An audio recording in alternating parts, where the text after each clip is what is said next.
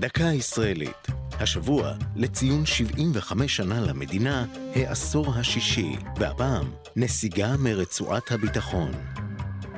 18 שנה אחרי פלישת צה"ל ללבנון במבצע שלום הגליל, עזב חייל צה"ל האחרון את אדמת לבנון.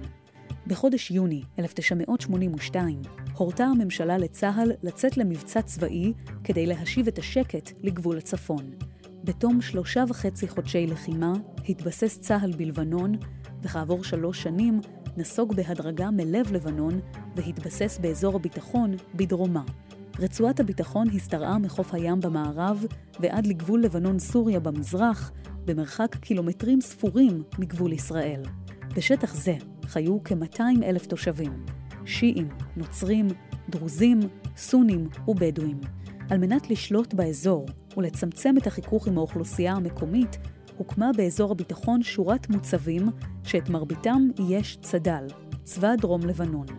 החרפת הפעילות האלימה של הארגון השיעי חיזבאללה נגד צה"ל ונפילת חיילים רבים עוררו בארץ מחאה ציבורית.